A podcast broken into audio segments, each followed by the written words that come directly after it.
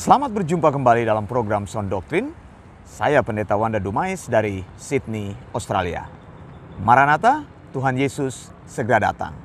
Saudara yang dikasih Tuhan, mari kita lihat ayat-ayat yang penting ini dalam Matius 7 ayat 13 dan 14. Masuklah melalui pintu yang sesak itu, karena lebarlah pintu dan luaslah jalan yang menuju kepada kebinasaan, dan banyak orang yang masuk melaluinya.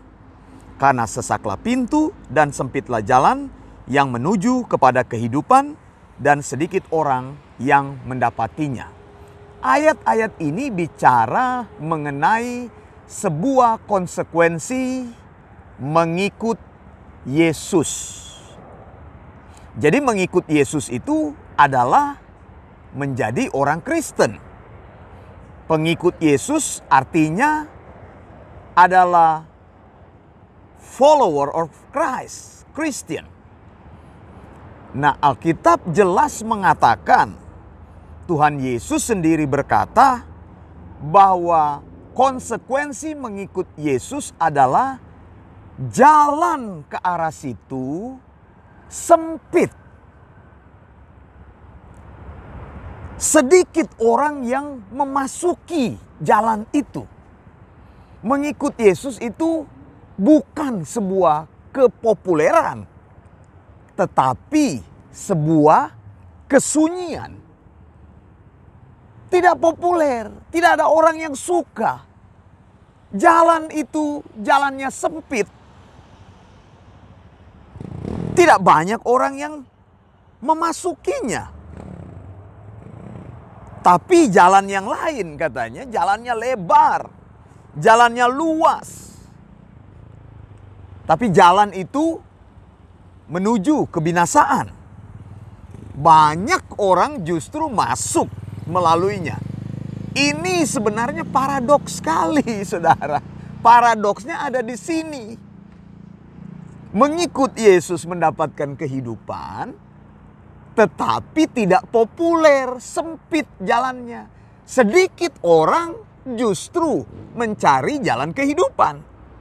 Tapi jalan yang lebar, banyak orang masuk jalan itu, tapi jalan itu menuju kebinasaan. Paradoks kan sekali?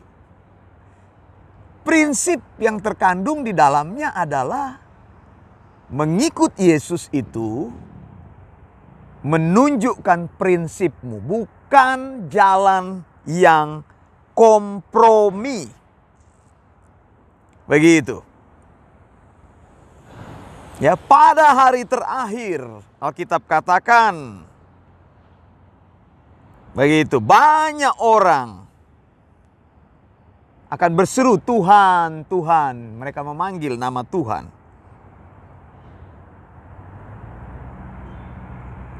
Tapi Yesus katakan, "Aku tidak mengenal engkau." Begitu, Saudara.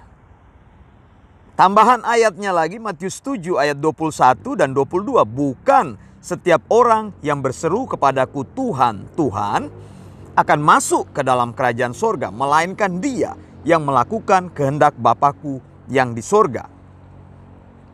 Matius 7 ayat 22, pada hari terakhir banyak orang akan berseru kepadaku Tuhan, Tuhan, bukankah kami bernubuat demi namamu dan mengusir setan demi namamu dan mengadakan mujizat demi namamu juga.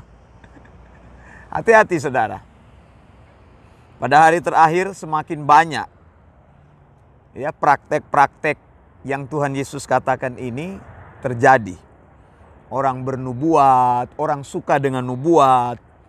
Nubuatan-nubuatan banyak keluar di dalam gereja, hati-hati. Saya sudah sampaikan, firman Allah itu teopenustos. Tidak ada nubuat lagi yang keluar sesudah kitab wahyu. Jadi firman Allah itu bersifat wahyu yang tertutup.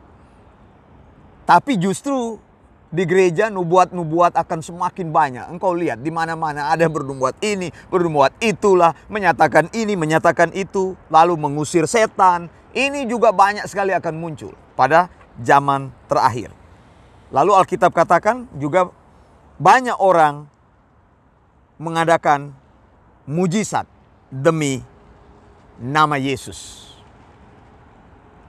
Katanya melakukan mujizat demi nama Yesus. Jadi semakin hari pekerjaan-pekerjaan ini akan terlihat semakin banyak. Tapi Yesus katakan aku tidak mengenal engkau. Nah saudara, saya mau tunjukkan di sini bahwa perkataan banyak orang mempunyai kontras dengan kata sedikit orang. Engkau berada di posisi yang mana? Apakah engkau berada di kumpulan orang yang banyak? Atau engkau berada di kumpulan yang sedikit orang? Karena tadi katakan, firman Tuhan katakan, sempitlah jalan yang menuju kehidupan. Jadi orang-orang yang mencari Tuhan itu sangat sedikit di akhir zaman ini. Nah, keputusan harus kita buat.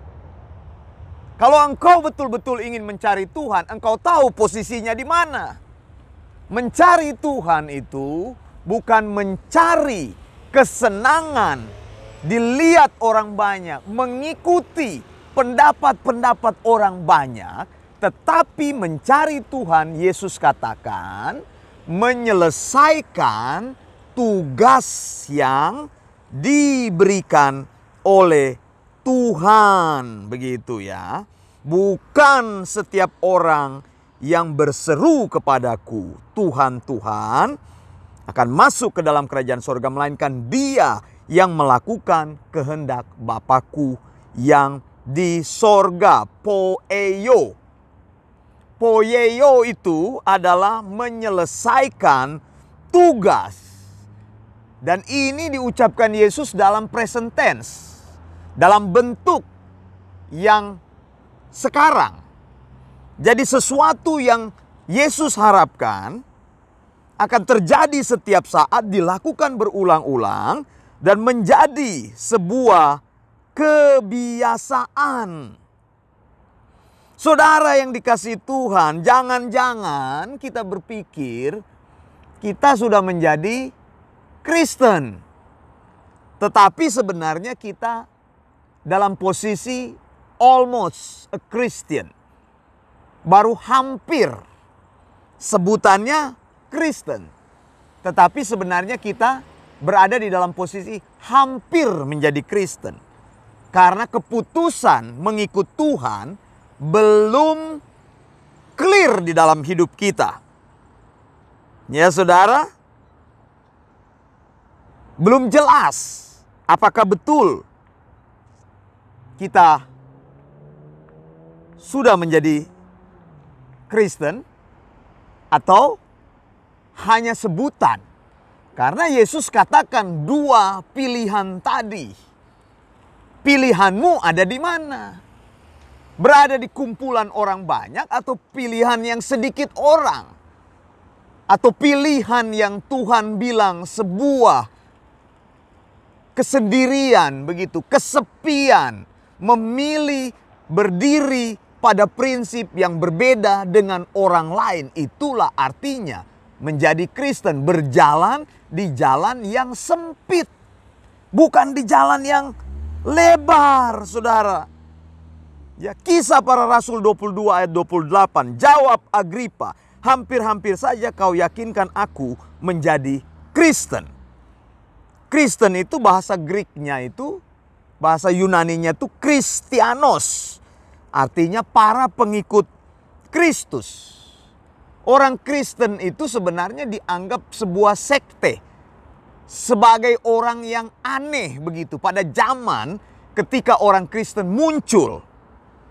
Nama ini diberikan pertama kali kepada orang-orang yang menyembah Yesus oleh orang-orang non-Yahudi sejak abad kedua.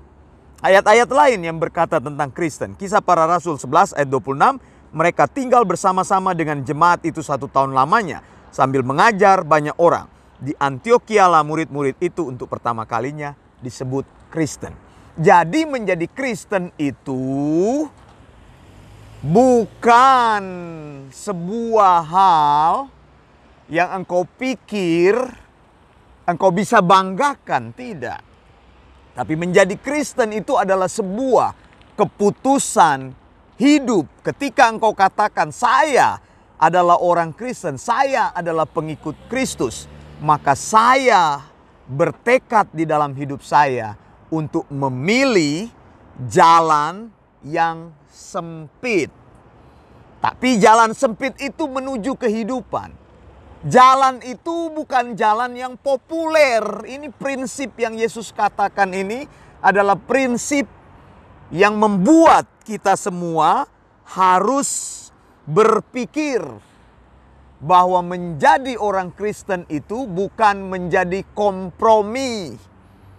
Engkau harus berdiri teguh di atas ajaran Kristus yang benar, lalu mempraktekkan ajaran Kristus itu.